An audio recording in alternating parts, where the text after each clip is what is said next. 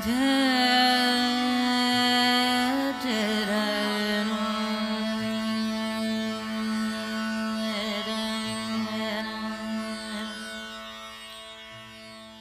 Swastiastu.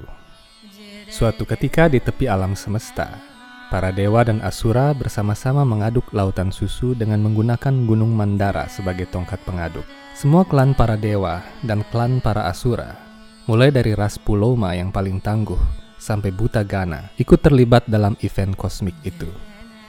Bagaimana proses pengadukan lautan susu ini terjadi adalah suatu yang pastinya sangat besar dan karena peristiwa ini terjadi lebih dari 300 juta tahun yang lampau, bukti-bukti sejarahnya pastinya sudah lapuk dalam lembar lini masa sejarah. Peningkatan kualitas informasi dan inovasi dalam setiap video kami tentunya dapat terwujud atas bantuan tulus Anda. Demi tujuan mulia dalam menyebarkan Dharma, kami mengajak Anda untuk menekan tombol like, berlangganan channel kami, dan ikut membagikan video kami kepada rekan-rekan terdekat Anda. Selain itu, anda juga dapat mengunjungi situs web kami pada link yang tercantum di kolom deskripsi untuk menikmati artikel majalah Hindu Times secara gratis.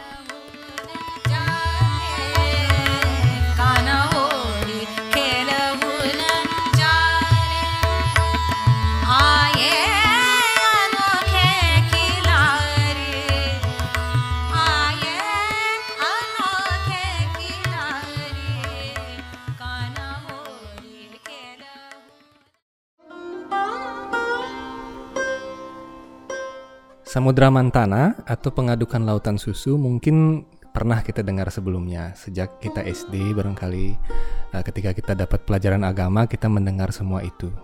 Dan ketika kita bersembahyang di pura pun kita melihat replika dari pengadukan lautan susu itu dalam bentuk bangunan Padmasana.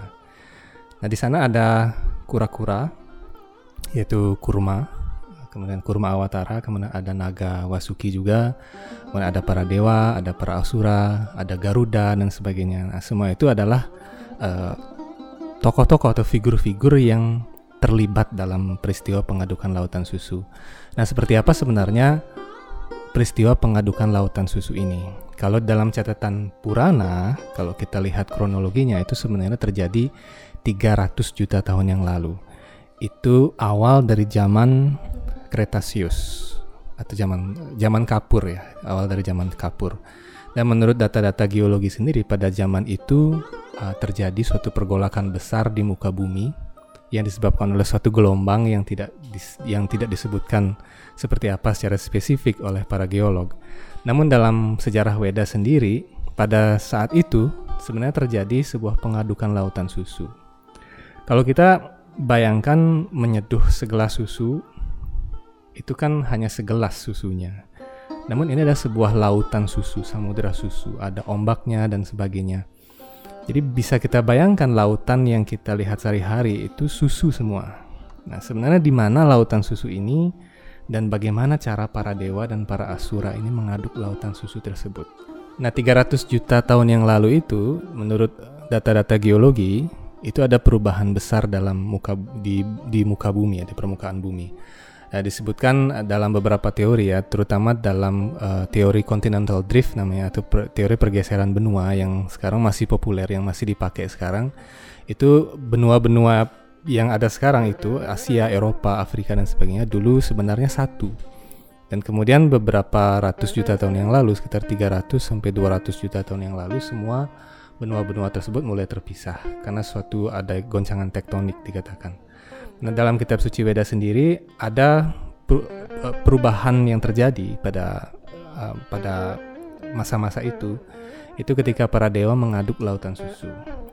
Nah, dalam episode-episode uh, kita selanjutnya pun kita akan membahas tentang uh, bumi sebenarnya dan bumi itu terdiri dari beberapa dimensi ya. Dan dalam beberapa dimensi itu kadang-kadang saling bersinggungan. Dan di dalam Weda ini juga disebutkan Nah, mengenai lautan susu sendiri itu sebenarnya salah satu lautan dari salah satu dari tujuh lautan yang ada. Ada lautan yang kita kenal di, di sehari-hari kita lautan air asin, kemudian ada lautan uh, lautan susu, kemudian ada lautan yogurt, uh, kemudian ada lautan minyak samin atau minyak ghee. Kalau kita bisa kalau bisa teliti itu kita sebenarnya melihat bumi ini dari berbagai dimensi Dan di planet-planet yang lain juga dan di bagian-bagian lain dari eh, alam semesta kita ada samudra-samudra yang berbeda. Contohnya aja sekarang di NASA sudah menemukan bahwa ada samudra metana yang ada di bulan Saturnus yaitu bulan di Titan. Di situ ada uh, samudra metana dan kemudian ada samudra hidrogen juga, ada samudra besi cair juga dan sebagainya. Nah di Weda juga disebutkan ada tujuh samudra. Nah di video kita kali ini kita akan mencoba membahas uh, bagaimana sih peristiwa pengadukan lautan susu yang dilakukan oleh para dewa di lautan susu atau Ksirarnawa.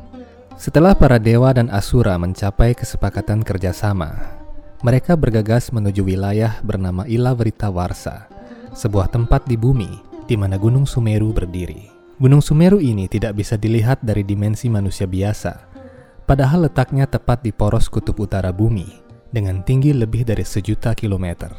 Di sisi Gunung Sumeru terdapat beberapa gunung lain yang mengelilinginya, Salah satu gunung itu adalah Mandara Giri yang sepenuhnya terbuat dari emas.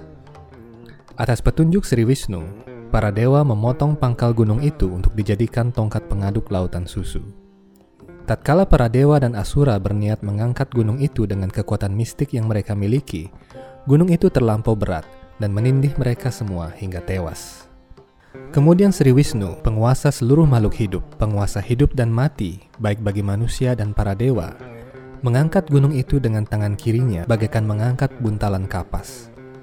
Dengan hanya memandang jenazah para dewa dan asura, semuanya dihidupkan kembali. Kemudian Sri Wisnu menempatkan gunung yang sangat berat itu di punggung Garuda yang membawanya ke lautan susu dengan sangat mudah. Begitulah perbedaan antara Tuhan dan para dewa. Tenaga Tuhan tidak terbatas, sedangkan tenaga para dewa dan asura sangat terbatas. Setiap kitab Purana pasti menyebutkan tujuh jenis samudra di alam semesta, dan salah satunya adalah samudra susu. Setidaknya ada tiga lokasi samudra susu yang disebutkan dalam berbagai sejarah Purana. Pertama, samudra susu ada di Sweta Dwipa, sebuah planet rohani di mana Tuhan Sri Krishna tinggal dan dipuja oleh Dewa Brahma. Letak planet ini di atas Brahma Loka. Samudra susu kedua terletak di Druwa Loka, di gugusan bintang kutub. Apabila para dewa mengalami permasalahan dalam tata administrasi alam semesta, mereka menghadap Sri Wisnu yang berstana di tengah lautan susu Loka. Samudra susu ketiga berada di Burloka, yakni tataran bumi sendiri, dalam dimensi yang lebih tinggi yang tidak bisa dijangkau oleh pandangan dan teknologi manusia biasa. Bumi terbentang sangat luas sekali dan memiliki tujuh jenis samudra. Salah satunya adalah Ksiroda atau samudra susu yang berbatasan langsung dengan daratan yang disebut Kraunca Dwipa. Samudra susu manakah yang diaduk oleh para dewa dan asura? Samudra susu di Sweta Dwipa dan Loka tidak bisa dijangkau oleh para asura, sebab keduanya adalah planet rohani yang tidak bisa dimasuki oleh para asura. Samudra susu yang berada di pesisir benua Kraunca Dwipa adalah kandidat terakhir yang cocok dengan uraian dalam kitab-kitab Purana. Samudra ini kira-kira berada di sekitar orbit Mars dan sabuk asteroid. Ketika para dewa dan para asura mulai mengaduk lautan susu, terdapat sebuah racun yang sangat ganas bernama hala-hala. Racun hala-hala ini tampaknya adalah mutagen yang sangat berbahaya. Dari kacamata sains, tidak mungkin suatu spesies mewarisi sifat tertentu dari leluhurnya tanpa ada perubahan genetika. Apabila seekor ular menelan racun hala-hala, racun itu tidak akan diwariskan kepada keturunannya kecuali racun itu mengubah kode genetika dalam DNA-nya. Kode genetika ini hanya dapat diubah melalui tiga cara, yakni melalui evolusi alamiah, rekayasa genetika dalam lab, atau oleh radiasi. Yang paling cepat menimbulkan efek mutasi gen adalah radiasi. Jadi racun hala-hala bukanlah racun cair biasa, namun cairan radiasi yang kuat, mirip seperti limbah nuklir yang sangat berbahaya.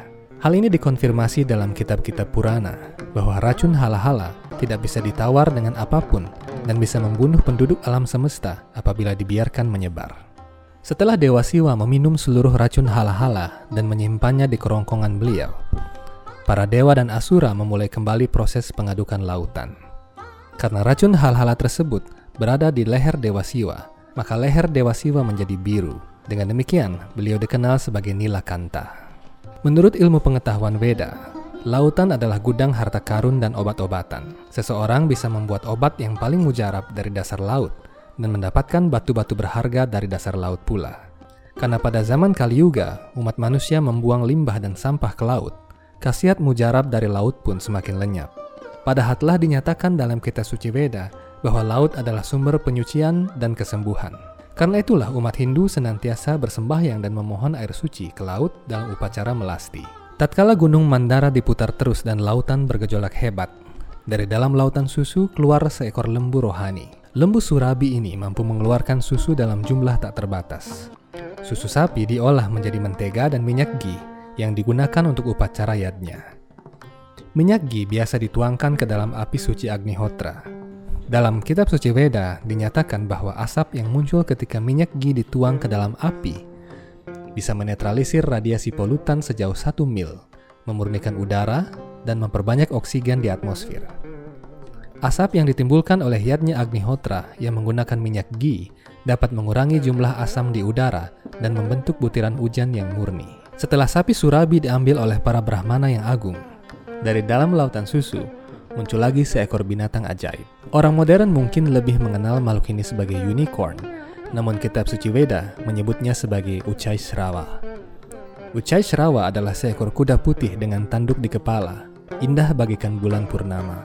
Kuda ini dapat terbang ke mana saja di alam semesta. Maharaja Bali, raja para Asura, mengambil kuda ini sebagai tunggangan. Dari uraian tersebut dapat disimpulkan bahwa peristiwa pengadukan lautan susu terjadi setelah munculnya Tuhan sebagai narasinga. Bali Maharaja adalah putra Wirucana, dan Wirucana adalah putra Prahlad. Prahlad adalah putra iblis Hiranyakashipu, dan karena Bali Maharaja terlibat dalam pengadukan lautan susu, maka dapat dinyatakan bahwa peristiwa ini terjadi setelah munculnya awatara Narasinga. Hasil pengadukan lautan susu selanjutnya adalah Gajah Airawata. Gajah Airawata bersama tujuh saudaranya kemudian menjadi milik Indra, raja para dewa. Karena itu Dewa Indra memiliki delapan gajah jantan dan delapan gajah betina. Masing-masing gajah itu putih bagikan susu dan memiliki empat gading. Semua gajah ini bisa bepergian secepat kilat, ke mana pun di seluruh alam semesta. Belalai mereka bisa menampung minuman soma, minuman suci para dewa yang bisa memperpanjang usia. Kemudian sebagai hasil selanjutnya, permata Kaustuba dan Padmaraga muncul dari lautan. Apabila Anda pernah mendengar permata legendaris bernama Heart of Ocean, maka yang dimaksud adalah Kaustuba. Permata tiada tandingan ini tak bisa dipakai oleh siapa pun selain Tuhan sendiri. Karena baik para dewa maupun asura tidak pantas memakainya, permata itu lalu dipersembahkan kepada Sri Wisnu, menjadi permata indah yang bersemayam di dadanya serasi dengan ketampanan badan Tuhan yang tiada bandingan. Hasil selanjutnya dari proses pengadukan lautan susu adalah pohon parijata, spesies pohon yang hanya tumbuh di planet-planet surga. Parijata adalah keturunan dari pohon kalpataru di dunia rohani Goloka Brindawan, sehingga pohon parijata juga bisa memenuhi segala keinginan, namun dalam batas-batas tertentu. Beberapa otoritas menyebutkan bahwa parijata berbentuk seperti lotus emas yang mekar pada malam hari, dan beberapa lainnya menyebutkan bahwa pohon ini adalah pohon emas yang berkilau. Tatkala pengadukan terus berlanjut, ras para apsara tercipta. Apsara adalah golongan bidadari yang paling cantik di seluruh sistem planet surga. Banyak orang mengajar kenikmatan bersama para apsara ini di surga setelah meninggal. Dan untuk tujuan itu, mereka mengumpulkan berbagai pahala kegiatan karma di bumi. Sebagai hasil selanjutnya dari proses pengadukan lautan, Dewi Laksmi muncul. Tatkala beliau muncul dari lautan susu, para dewa, resi agung, dan seluruh makhluk saleh dari seluruh planet di alam semesta menyambut beliau. Dewi Laksmi adalah sakti kekal Sri Wisnu. Di mana pun Sri Wisnu dipuja, di sana pasti hadir Laksmi. Karena para dewa suatu ketika menjadi sombong, Dewi Laksmi meninggalkan mereka sehingga surga kehilangan kemegahan. Karena itulah para dewa kembali ingin mengundang Dewi Laksmi melalui pengadukan lautan susu. Sri Wisnu menerima Dewi Laksmi sebagai saktinya dan memberinya tempat kekal di dadanya. Dewi Laksmi bersemayam di dada Tuhan sebagai tanda Sri Watsa, berupa rambut emas yang tumbuh di dada Tuhan yang gagah dan bidang. Karena Sri Wisnu memiliki rambut emas di dadanya, masyarakat Hindu di Bali menyebut beliau dengan nama Batara Rambut Sedana. Itu adalah nama sebutan untuk Sri Wisnu sejak zaman Bali kuno. Umat Hindu di Bali biasanya ketika ada gerhana itu memukul kentongan. Dan para tetua kita dulu biasanya mengaturkan persembahan di merajan atau di pura. Ada yang mengatakan bahwa ketika kalau itu biasanya uh, sinar bulan atau sinar matahari tertutup dan memiliki vibrasi yang kurang bagus begitu. Nah, uh, Samudra Mantana ini sesungguhnya adalah cikal bakal dari terjadinya gerhana. Kalau kita lihat dari sudut pandang sains atau sudut pandang ilmu pengetahuan modern, uh, gerhana itu kan disebabkan oleh bayangan bulan uh, dan bayangan bumi ya, ketika gerhana matahari dan gerhana bulan gitu. Namun dalam ilmu pengetahuan Weda yang sebenarnya terjadi adalah uh, ada Rahu, ada sejenis planet gelap yang menelan uh, matahari dan menelan bulan tersebut. Jadi ketika uh, bulan itu melewati suatu orbit tertentu, jadi di sana ada planet yang tidak terlihat yang namanya Rahu dan Ketu. Itu ada orbitnya sendiri. Dan ketika bulan atau matahari melewati orbit tersebut, maka uh, bulan dan matahari akan uh, seolah-olah terbenam dalam bayangan gitu. Namun di dalam kitab suci Veda sendiri dalam Wisnu Purana dan juga dalam Srimad Bhagavata Purana dinyatakan gerhana matahari itu tidak akan bisa berlangsung lama karena ketika Rahu masuk ke orbit matahari maka cakra dari Tuhan Sri Krishna akan langsung meluncur dan mengusir Rahu. Tak berhenti sampai di sana, pengedukan lautan susu dilanjutkan. Tujuan akhir pengedukan ini adalah Amrita, minuman yang bisa membuat badan seseorang awet muda dan berusia sangat panjang. Lama sekali para dewa dan asura mengaduk lautan. Amrita tak juga muncul. Kemudian dari dasar lautan yang dalam, muncul Danwantari, awatara Sri Wisnu yang menjadi sumber ilmu pengobatan Ayurveda. Danwantari membawa kendi emas berisikan Amrita. Para asura yang lebih cerdik langsung merebut kendi Amrita itu tatkala Danwantari muncul. Para dewa yang kelabakan hanya bisa menahan kecewa. Mereka kemudian memohon pertolongan Tuhan. Inilah perbedaan antara para dewa dengan asura. Para dewa selalu berlindung kepada Tuhan, sementara para asura percaya pada kekuatan mereka sendiri. Sebagai akibatnya, para dewa selalu berada dalam perlindungan Tuhan dan senantiasa menang pada akhirnya. Dalam kehidupan pun, orang hendaknya tidak sombong pada kekuatannya sendiri. Dia harus senantiasa memohon perlindungan Tuhan. Dengan demikian, dia mendapatkan perlindungan yang kekal dan tanpa batas. Demi merebut kembali kendi Amrita yang telah dicuri oleh para Asura, Sri Wisnu mengubah wujudnya menjadi Mohini Awatara, wujud wanita yang paling cantik. Tatkala Dewi Laksmi melihat wujud Mohini ini, beliau menjadi tertegun dan malu karena kecantikan Mohini jauh melebihi dirinya. Begitulah kehebatan Tuhan. Tuhan bisa menjadi setampan atau secantik apa pun. Tidak ada yang bisa membatasi kemahkuasaan Tuhan. Tuhan pun bisa muncul sebagai arca dan menerima pelayanan dari umat manusia melalui wujud arca itu secara langsung. Hanya pikiran manusia yang terbatas saja, sehingga menganggap kemahakuasaan Tuhan bisa dibatasi. Terpikat karena kecantikan Tuhan sebagai mohini, para asura menyerahkan kendi amerta tanpa curiga. Kisah Samudra Mantana adalah peristiwa sejarah yang benar-benar terjadi. Pertanyaan tentang mengapa bukti-bukti geologi tentang peristiwa ini tidak ada adalah karena peristiwa ini terjadi di bilah dimensi bumi yang lain, bukan di bilah dimensi manusia biasa. Walaupun pengadukan lautan susu terjadi di tata surya yang sama, lautan susu tidak bisa dideteksi oleh satelit buatan manusia karena dimensi lautan itu lebih tinggi daripada dimensi ketiga. Pandangan manusia yang terbatas tidak bisa digunakan untuk mengukur kebenaran. Karena itu, kebenaran sejarah Weda hanya dapat dipahami dengan kesadaran dan sikap tunduk hati.